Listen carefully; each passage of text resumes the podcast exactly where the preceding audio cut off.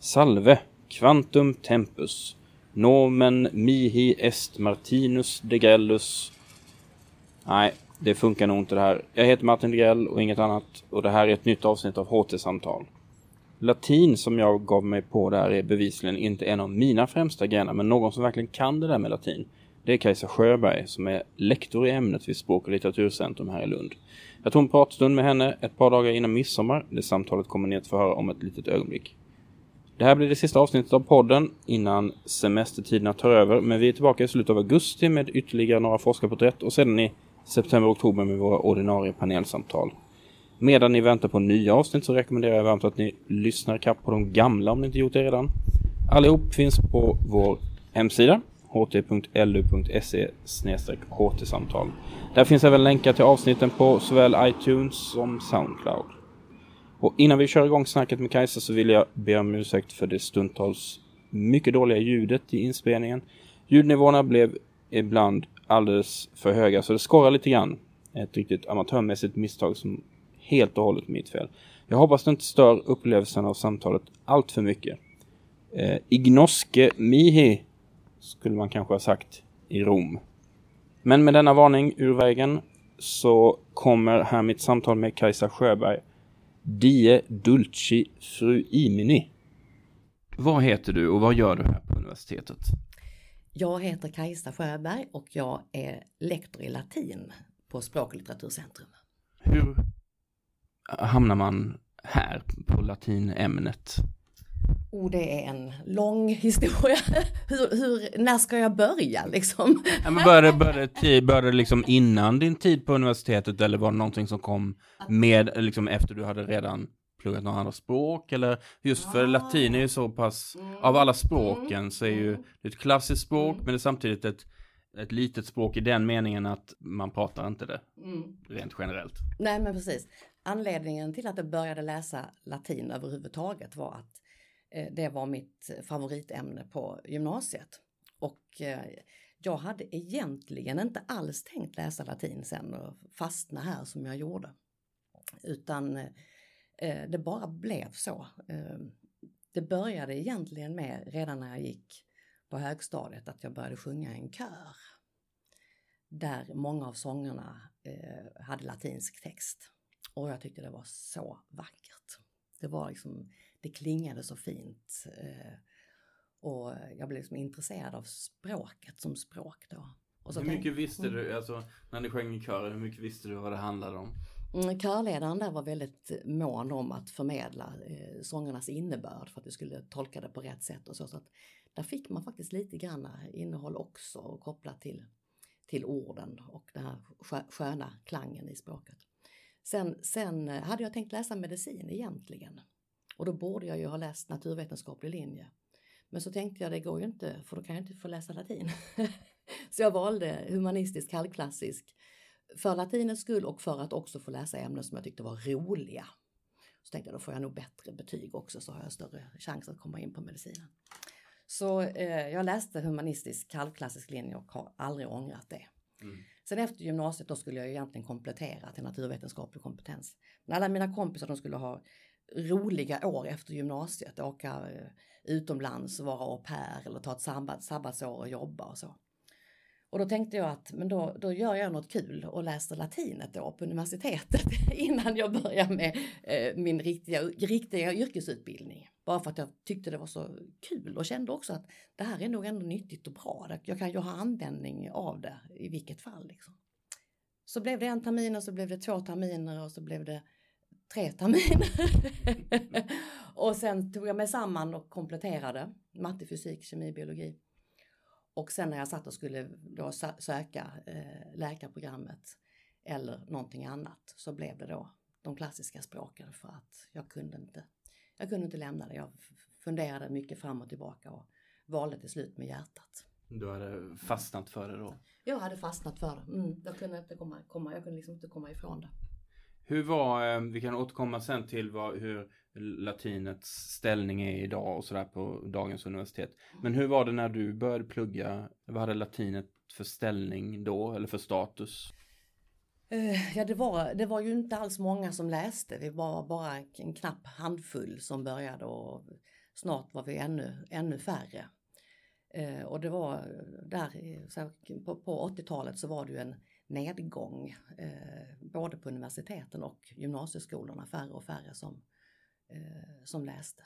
Eh, men idag så är det en annan trend. Här i Lund så, så eh, har vi faktiskt fler sökande än platser till nybörjarkurserna. Ett söktryck som håller i sig och det verkar finnas ett intresse bland studenter i andra ämnen också att också kunna latin eftersom latinet ju inte bara är någonting som är jättekul. Det som, jag, det, det, som jag föll för var ju en aspekt, njutningen och nöjet av att kunna det, att få de här aha-upplevelserna, att eh, få lära känna det här fantastiska språket. Men så småningom så insåg ju också jag att det inte bara var till lust utan också till nytta och om man tänker i ett längre, lite större perspektiv så inser man att latinet faktiskt är alldeles nödvändigt om vi ska kunna bedriva studier och forskning inom humaniora. Vilket ju idag är så viktigt att vi kan göra humaniora och teologi idag är ju viktigare än någonsin egentligen. Vad är det för studenter som söker sig till latin som, alltså när du undervisar nu? Vad är det för mm. studenter som, som söker sig till ämnet? För det, jag misstänker att det inte bara är liksom de här eh, superhumanisterna som älskar eh, språket utan de kommer från lite olika mm. håll. Ja, det är en fantastisk blandning och det innebär att det blir väldigt härliga grupper av studenter för de är, det är olika åldrar, det är helt olika eh, behov, eh, intressen, olika eh, ämnen de kommer ifrån. Eh, en och annan kommer direkt från gymnasiet och börjar med att läsa latin för att de inte vet riktigt vad de ska göra men tänker att latin kan man alltid ha nytta av och det är helt rätt. Eh, sen är det ganska många studenter som har påbörjat eh, utbildningar på andra håll.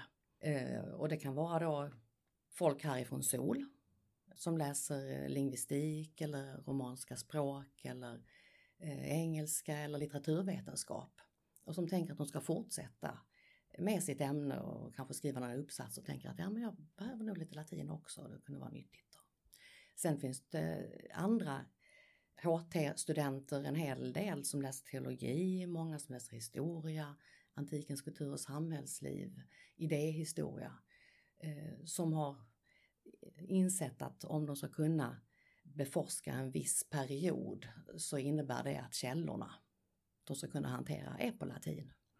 Och då tycker de att de, de, de vill inte välja bort eh, ett forskningsämne på grund av att de inte har latinet. Då.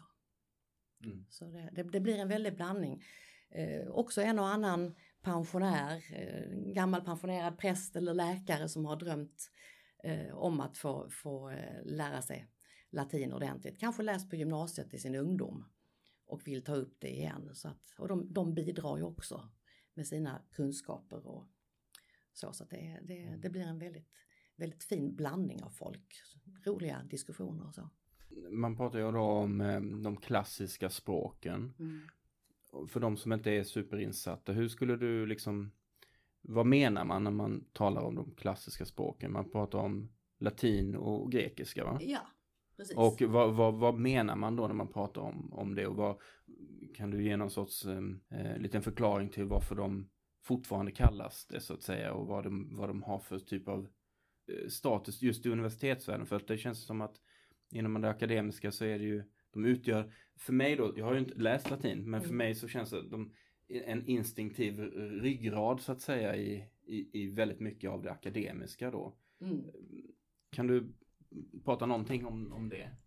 Alltså, eh, det är rätt som du säger att vi brukar kalla den klassiska grekiskan och latinet för, för klassiska språk.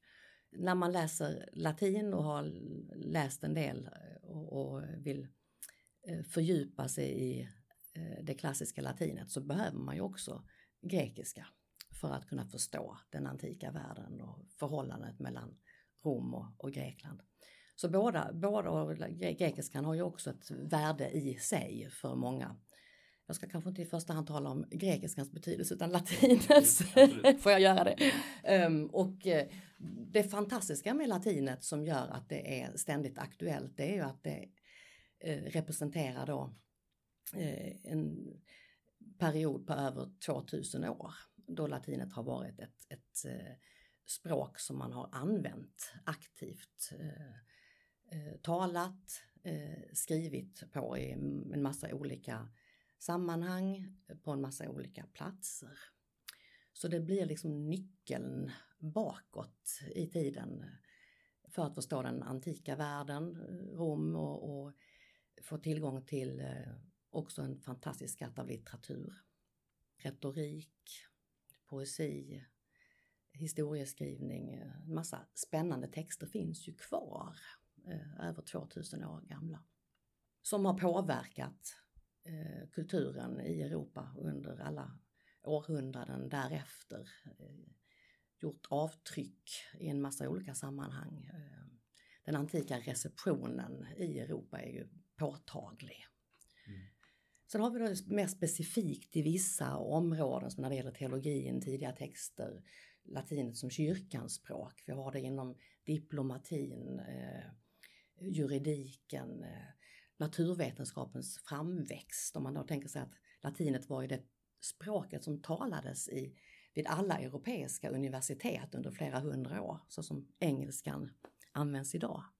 Så var ju latinet det språket som, som man pratade, som man föreläste på, man eh, disputerade på, latinet var liksom genomsyrade hela den världen så där finns ju en stor skatt av litteratur.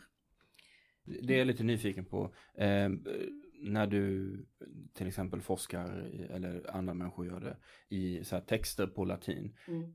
Är det fortfarande så, eller fortfarande, det har väl alltid varit så antar jag i så fall, att eh, en majoritet av de här texterna är just från antiken eller, eller hur, liksom, när ser man en sorts någonstans längs vägen så har ju liksom latinet tappat sin eh, användningsområdet har ju liksom minskat lite grann kan man ju lugnt säga. Men när kom den här historiskt, den här, fanns det någon sån här drop-off då folk började säga, nej men nu skippar vi latin?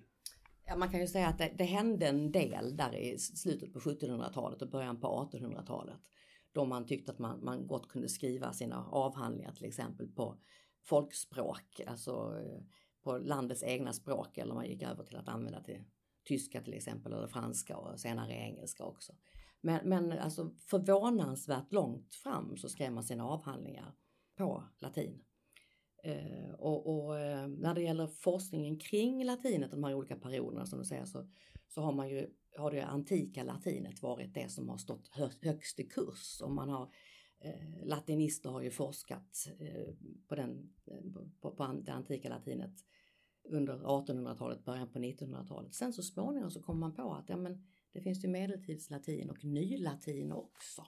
Andra typer av texter som är relevanta, som behöver ges ut till exempel. Och, eh, då har det blivit så idag att i många andra länder så, så är latin, latinarna specialiserade inom en viss eh, epok. Så att man ägnar sig till exempel åt classics eller åt medieval studies eller studier som, som gäller ny, nylatin som man säger, det tidigmoderna.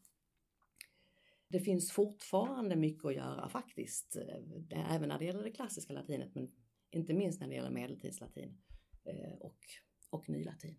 Så, men vi har inte den typen av distinktion i, inom svenska? Mm. Nej, alltså då, att, att man delar in latinet på det viset, ja, men vi har inte den typen av områdesstudier på samma sätt som man har i till exempel England och, och USA. Eh, utan, utan här ska en latinare kunna spänna över hela eh, den här tiden då latinet har, har eh, använts eh, på, på olika sätt. Så.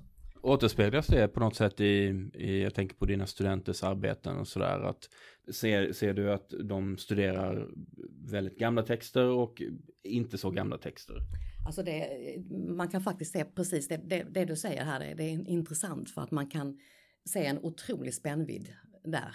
Um, nu i vår så jag skulle kunna ge ett, ett exempel eh, bland, bland de studenter som skrev kandidatuppsatser i vår så var det till exempel en student som ägnade sig åt en text skriven första århundradet före vår tideräkningsbörjan. Och en annan student som sysslade med en text som var skriven på 60-talet, det vill säga 1960-talet um, så där, där har vi liksom 2000 år eh, emellan. Den första studenten jag nämnde då, han, han eh, jobbade med eh, eh, det fantastiska verket Eneiden av Vergilius. Och eftersom han har läst latin då, den här studenten, parallellt med medicinstudier och nu är doktorand på medicinska fakulteten, så valde han ett ämne där han kunde undersöka kroppsliga uttryck, eh, alltså medicinska kroppsliga uttryck för eh, psykiska tillstånd, känslig, känslomässiga tillstånd. Och så skrev han en fantastisk uppsats kring det. Den andra studenten eh, var teolog, nyligen prästvigd och skrev eh, om latinska texter som formulerades under det andra Vatikankonciliet. och handlade om den teologiska diskussionen då. Så du ser, man kan, man kan ägna sig åt väldigt olika eh, ämnen och väldigt olika tider eh, som latinstudent. När du läser då de här, till exempel de här två olika exemplen. Mm. Ehm, för mig som lekman då som inte vet det. Kan du titta på dem, eh, de originaltexterna så att säga på latin och säga så här. Ja men den här är ju nog gjord under antiken och den här är gjord på 1960-talet eller är det liksom ett tidlöst språk på det sättet? Alltså, det kanske är en oerhört naiv mm. fråga men... Nej, det är ingen, ingen naiv fråga alls. Alltså man kan säga att latinet är ju ett, och samma språk ja, hela tiden. Det, Och möjligt att förstå. Mm. Eh, så att om någon skriver latin idag så skulle Cicero kunna förstå det latinet och han skulle kunna förstå det som var skrivet under medeltiden också. Men, men latinet har ju ändå förändrats under eh, de här olika epokerna och eh, även om det är ett och samma språk så kan man se eh, karaktäristiska drag hos till exempel medeltidslatinet som inte är riktigt liksom klassiskt och liksom, enligt Ciceros modell längre. Eh, sen under renässansen så kommer man ju att, att eh, återuppväcka även det, eh, inte, bara, inte bara andra antika saker utan också det antika latinet och då blir det mer klassiskt igen när det gäller grammatik och man försöker sålla ut eh, medeltida ord till exempel som inte är klassiska och fina liksom och så försöker man rensa och snygga till. Men ändå blir det inte riktigt antikt för det är ju, eh, skrivs ju inte av människor som har det som modersmål så det går inte riktigt fånga det som var under antiken mm. efter utan var, varje epok har faktiskt sin, sin speciella stil även om om man skulle kunna mötas, eh, om det hade gått att göra så. Om en person från medeltiden kunde möta någon från antiken och nu så hade vi kunnat prata med varandra på latin. Och det gör man ju fortfarande idag faktiskt. Det finns de som talar latin med varandra. Jaså minsann? Jajamensan, det är ett fullt, fullt gångbart språk eh, som fungerar alldeles utomordentligt bra att kommunicera med. Ett av Vatikanens officiella språk också. De har italienska och latin. Mm. Men trots då eh, den här eh, stora betydelsen, eh, latinets stora betydelse, både historiskt och, allmänt, så är det ju så att latinämnet i Lund har ju haft lite en eh, ja, turbulent eller lite hotad eh, tillvaro mm. Eh, de senaste åren, även om det kanske just nu är lite stabilt. Kan du redogöra lite kort för vad, vad det handlar om? Ja, jag tror nog att, att eh det har kanske inte riktigt framgått hur viktigt latinet är. Jag tror inte att, att, att eh, det har funnits någon, någon riktig, och det kanske fortfarande är så i viss mån, ehm, det, det, det, är svårt att förstå hur ett sånt här gammalt språk kan ha, ha betydelse. Och när det blir ont om pengar och man ska slåss om medlen så att säga, så är det lätt hänt att man då stryker det som man tänker inte är så viktigt vid ett universitet. Och så tänker man att latinet är gammalt och dammigt och mossigt och för, förlegat och, och så. Och, och ehm, eh, det kan man väl inte ha någon nytta av idag kanske. Eh, men, men eh, och, och, sen så tittar man på siffror, ja det är ju inte så många som läser och, och hur är genomströmningen och allt det där tillsammans tror jag samverkade till att latinet eh, latinets grundutbildning faktiskt lades ner till och med 2006. Men eh, kom tillbaka eh, tack vare en eh, mycket generös donation av eh, Per Håkan Olsson eh, och Tora Olssons stiftelse. Som för övrigt, Tora Olssons stiftelse, fortsätter att stötta latinet mm. I viss mån. Så det, och det är vi väldigt tacksamma för. Mm. Eh, för latinet är ju, alltså, jag, jag tror någonstans att, att, att vi har hittat en plats. Många studenter läser, det är möjligt att läsa. Eh, det sprider sig bland de som läser. Det kommer vänner och bekanta till dem, kursare och sånt som mm. um, latinets betydelse som en sån nyckel till en mängd olika ämnen inom humaniora och teologi för att få ett historiskt perspektiv som vi så väl behöver idag när vi går framåt. Mm. Och för att förstå andra tider, andra kulturer. Det är liksom, eh, jag kan inte nog eh, understryka hur, hur, hur viktigt latinet är för att få tillgång till eh, en massa texter till exempel. Och förståelse för tider och kulturer som, som just språk eh, ger. Liksom det hänger ju ihop, språk och tanke.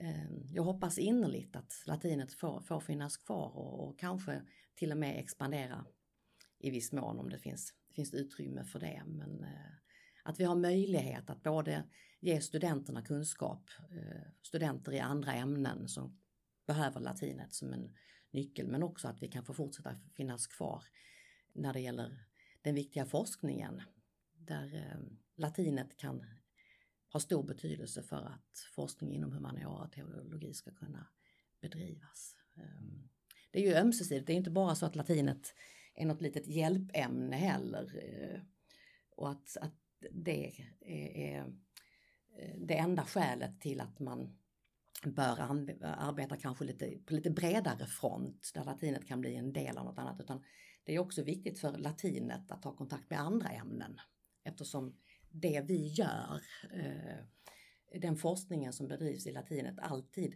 knyter an till någonting annat. Det är ju skrivet inom ett område, inom en viss tid, på en viss plats. Eh, och, och eh, då, då blir det ju eh, en, en eh, mer intressant och relevant forskning om det kopplas till ämnen som knyter an till det man sysslar med. Så det finns en, en verkligen en, en, ett ömsesidigt utbyte då eh, på högre nivå. Nu sitter vi ju här på sol och det är ganska tyst här eftersom terminen är slut och det börjar närma sig semestertider. Mm. Men um, om vi bortser från det så har jag en standardfråga nämligen um, hur ser en typisk arbetsdag ut? Uh, och då säger alla Oh, det finns, eh, den ena dagen är inte den andra lik och det går inte att säga. Men jag ställer den ändå till dig. Hur ser en typisk arbetsdag ut för dig? Um, ja, men jag instämmer. Det är väldigt svårt att säga. Um, det går lite grann i perioder för mig. Som, som lektor så har man ganska mycket undervisning. Så är det ju. Uh, så en typisk arbetsdag innebär alltid, eller väldigt ofta, uh, minst ett pass uh, undervisning ofta två. Eh, på olika nivåer och det är väldigt omväxlande och väldigt eh, trevligt att få undervisa i latin är eh, verkligen också ett nöje. Eftersom det är så kul att lära sig latin så är det också väldigt roligt att, att, att undervisa i latin eh, och få dela eh, studenternas glädje när de lär sig eh, det språket som jag fastnade för. Så det blir mycket undervisning. Det blir eh, också eh, en del eh, tid förstås till forskning. Ofta är det så att det blir perioder då jag inte undervisar så mycket som jag får passa på att skriva och, eller att man utnyttjar lite kvällar ibland och, och semestertid och så. Så en, en, en, typisk arbetsdag när det inte är termin det är, är, är forskningspräglat. En typisk arbetsdag under terminen är mycket undervisning, mycket studentkontakt, eh, administration. Ehm, eh, periodvis så kanske man förbereder någonting som har med eh, något samarbete att göra, någon konferens eller något. Vi har ett, ett samarbete, till exempel latinet i Lund med antikens kultur och samhällsliv här och, eh, och, vid, eh, och med latinet och antikens kultur och samhällsliv i Göteborg. Så vi arrangerar då eh, lite seminariedagar tillsammans. Och då kan det vara så att det blir lite planering kring det, att man kontaktar föredragshållare eller bokar salar eller mm. kollar hur många som vill äta lunch. det, är, det är väldigt omväxlande, stort och smått. Det kan vara ett, ett handledarsamtal när det kommer någon student som ska skriva en kandidatuppsats och, och svara på mejl. Det är faktiskt ganska, en ganska så stor del, eh, studenter och andra. Ganska många faktiskt som eh, mejlar eh, och frågar vad någonting skulle heta på latin som de vill tatuera in eller skriva Jaha, i någon så, ring. Så folk, så här, allmänheten hör av sig med olika? Ja, ja, absolut. Det är faktiskt ganska mycket av det som vi kallar den tredje, tredje uppgiften. Just det. Mm. det, det det är ju spännande det här. Det har jag inte ens tänkt på. Att det är klart att folk vill sina förlovningsringar och tatueringar och grejer. Att de mm. vill att det ska bli rätt. Ja, och man hoppas det. Det finns, det finns faktiskt de som inte hör av sig. Och eh, ehm, det lär finnas någon, någon sajt på, på internet med, med eh, fotografier på, på, på tatueringar där det står fel så att säga. Det är mm. rätt så mm. populärt och det vet jag även med så här kinesiska tecken. Och ja men precis. Samma grej där. Precis, det är precis det, den, den, den grejen. Men ofta så är det så att man får ett, ett, ett, ett, ett mail och så, så säger de jag vill bara kolla, jag hittade dig på nätet, jag vill bara kolla om det heter så här. Jag googlade lite på det så har de testat Google Translate och så är det helt uppåt väggarna, det betyder mm. liksom ingenting. eh, och då är det liksom, får man snabbt kasta sig på eh, tangentbordet där och, mm. och säga nej, nej, nej. Tatuera inte in där. är det då sådana här egna fraser de har kommit på eller är det de vill bara latinisera liksom eh, ett, något litet ordstäv som de själva har hittat på eller är det så här klassiska? För det, jag menar latin är ju ett väldigt citatvänligt språk. Alltså det finns mm. många mm. Det finns många ordstäv, ordspråk mm. och så vidare på latin. Men det kanske är mer så nya varianter de vill hitta på själva då? Ja, det är nya varianter. Alltså väldigt sällan något, något klassiskt bevingat. Utan då är det någonting de själva tycker känns bra som liksom representerar dem. Eh, alternativt någon, någon replik från någon film som de tycker är häftig. Sådär. Så då, många gånger är det någonting ganska diffust på engelska som de vill ha översatt till latin. Låt mig gissa, från Gladiator och sånt. Exakt. Mm. Så hur, det, du har beskrivit en, en väldigt varierad arbetsdag här, men vad, ehm, vad är roligast? Är det roligast med så här, forskning och sitta begravd i, i böcker och leta? Och, eller är det roligaste att möta studenter och, och, och undervisa? Eller tillfredsställer det liksom olika behov? Ehm, det till, tillfredsställer olika behov, absolut. Även om det hänger ihop, alltså forskning och undervisning. Eh, och jag är säker på att om man har tid att forska så blir man en bättre lärare och om man undervisar och trivs med det så kan man också utvecklas som forskare och komma på en hel del ehm, spännande infallsvinklar även när man står i, i salen och undervisar. Men, men så att, att det hänger ihop i viss mån men, men ehm, eh, stimulerar olika sidor av en och därför så, så eh, skulle jag säga att det roligaste är när det blir en bra blandning. Det, då, då, då, trivs man som bäst, när, eller i varje fall då trivs jag som bäst, jag ska tala för mig själv.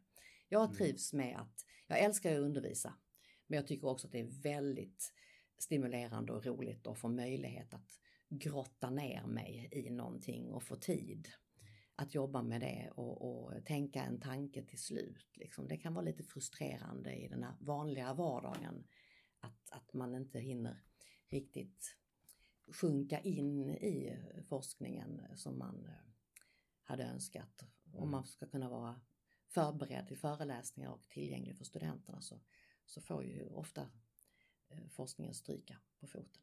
Men i höst så får jag möjlighet att grotta ner mig ordentligt eftersom jag har forskningstermin. Så det, ja, det, det obruten. Då blir det obruten mm. tid och det ser jag fram emot väldigt mycket. Det ska bli underbart mm. faktiskt. Har du ett svårt jobb? det var en svår fråga du ställde. um, det beror på. Det kan vara svårt ibland tror jag att, att hitta den där balansen. Uh, att ta sig tid till det man ska, att inte uh, att, att inte låta det svälla så att det blir för mycket jobb. Det är nog det svåraste. Uh, att, sätta gräns, att sätta gränser så man inte jobbar för mycket. Eh, men själva jobbet i sig, det beror på vad du menar med svårt. Det är ju roligt, det är kul men det är ju samtidigt utmanande och kräver en del. Svårt så tillvida att det är, är, är mm, stundtals krävande. Eh, och att man hela tiden är medveten om att det finns väldigt mycket som eh, man behöver lära sig. Det är ju som eftersom latinet är ett ämne som spänner över så, som vi har pratat om, så över så lång tid och så många olika områden så får man hela tiden läsa in sig på nya saker. Mm. Och det är också ett, ett tämligen komplext språk. Eh, så det är också en, en, en, en utmaning när det gäller eh, det grammatiska och syntaktiska där man hela tiden får eh, utvecklas. Men, men eh, inte svårt på det viset att det känns liksom trist och omöjligt utan svårt på ett kul sätt mm. skulle jag vilja säga. nu har vi ju precis nu som sagt vi spelar in här precis innan midsommar och för ganska exakt en månad sedan så var det ju den årliga doktorspromotionen här i Lund. Då mm. en massa nybakade och även heders och jubeldoktorer promoveras. Mm. Mm. Och då vet jag att du, då har ju du en, en, en ganska viktig roll där i, i hela ceremonin. För ceremonin då för de som inte vet om det, det sker i domkyrkan i Lund och det är väldigt högtidligt och, mm. och, och, ganska gammaldags på sätt och mm. vis. Det, mm. Den större delen av uh, hela uh, historien hålls nämligen på latin. Mm. Och det är ju liksom en nästan fyra timmar lång uh, historia. Vad har du för roll i promotionssammanhanget? Um, Vad är det du hjälper till med? Jag, det, finns ja, det är lite olika, olika saker. Jag har sagt att, att nu, jag har sedan tidigare, sedan flera år tillbaka, haft rollen som härold. Det är alltså den som ropar upp de som eh, ska promoveras. Man säger deras namn och då eh, säger man deras förnamn i latiniserad form och i vokativ, alltså tilltalsformen. Eh, så det har jag ägnat mig åt en hel del. Nu har jag också eh, på, på eh, sista tiden, som nu inför promotionen här härom sistens till exempel, också arbetat med manus, alltså de här fyra timmarna som sker på latin. Det måste ju vara ett manus som är anpassat efter vad som faktiskt sker. Hur många är de som kallas upp? Ska det vara singularis eller pluralis? Är det män eller är det kvinnor? Ehm, eh, varför blir någon hedersdoktor? Eh, vilken, eh, vilket ämne är promotorn eh, professor i? Och så vidare. Är det en man eller en kvinna? Alltså former måste ändras, manus måste förnyas varje år. Så det har jag ägnat mig åt en hel del. Eh, samt eh, latiniseringen av namnen som ju också dyker upp på de diplomen som eh, de promoverade får. Det måste ju vara en väldigt speciell typ av eh, uppgift att, att sitta och latinisera namn. Alltså, mm. Jag kan tänka mig då att det, det är många förnamn som återkommer naturligtvis. Men, mm. men eh, jag har ju sett några av de här diplomen för heders och jubeldoktorerna till exempel. Och det är ju det är väldigt spännande att, att, se. Ibland är det knappt mm. så man kan förstå vad det är vad ursprungsnamn, eller mm. ska säga, det vanliga mm. namnet är. Mm, mm. Eh, är, är, det en, liksom en utmaning eller är det någonting som du så här, ja men det här kan jag nu, jag vet vad mm. alla de här, eller, eller får du liksom så här, jäklar det här, är det alltid så här, mm. någon svår nöt att knäcka? Ja, ja absolut, All, alltid ett, ett, ett, antal nötter att knäcka okay. faktiskt, ja det är det. Eh, många vanliga namn går ju me mekaniskt nästan, liksom det var bara farten. Men, men det är alltid en del eh, som man får lägga ner lite tid på. Det finns inga bra eh, böcker, det finns ingen bra hjälp egentligen utan man får vara ute ibland och söka på nätet, söka gamla dokument, se kan, kan det ha hetat så här, finns det belägg för det och så vidare. Så att det är, men det, det, är, det är lite kul samtidigt och det är framförallt roligt att ceremonin fortfarande är på latin. Och i Lund faktiskt som endast lärosätet i Sverige som har kvar det fullt ut på latin. Det tycker jag vi ska vara stolta okay. över. Mm. Ja, mm. Likadant som eh, det har varit sedan slutet på 1600-talet. Så då kan vi ha det som någon sorts motargument om någon skulle komma och vilja modernisera det och ta bort latinet. Ja. Då, då, eh, då kedjar du fast dig vid eh, universitetet? ja, typ. Ja, nej, men jag, jag, jag, skulle nog gå igång på en, en, en argumentation där mm. Eh, för att övertyga om, om betydelsen av eh, tradition och ceremonier och, och just den här kontakten bakåt, att vila i ett större sammanhang, att allting inte bara är här och nu utan att vi faktiskt bygger vidare på tidigare generationers samhälle, forskningsresultat och, och eh, det är fint alltså promotionen med jubeldoktorerna, de nypromoverade, krans, och, och sen så kransflickorna som kommer som den tredje generationen. Det finns någon typ av succession, något, vackert liksom, att var och en bidrar med sitt i ett större eh, perspektiv. Och där tror jag att den här gamla ceremonin bidrar till att man upplever det här tidlösa, gränslösa som kan vara skönt idag också. Mm. Och så blir det högtidligt och det är, det är en fin ceremoni som du säger. Det är ja, det är det verkligen. Mm, mm. Och med dessa ord så, så, eh, ja, jag får tacka så hemskt mycket för att jag fick komma hit och, och störa dig lite. Och jag hoppas att du får lite ledig tid och inte bara ägna semestern åt forskning. Ja, lite ledig tid. Tack. Men, det, men, det, blir också forskning. Ja. Tack så mycket. Tack ska du ha Martin.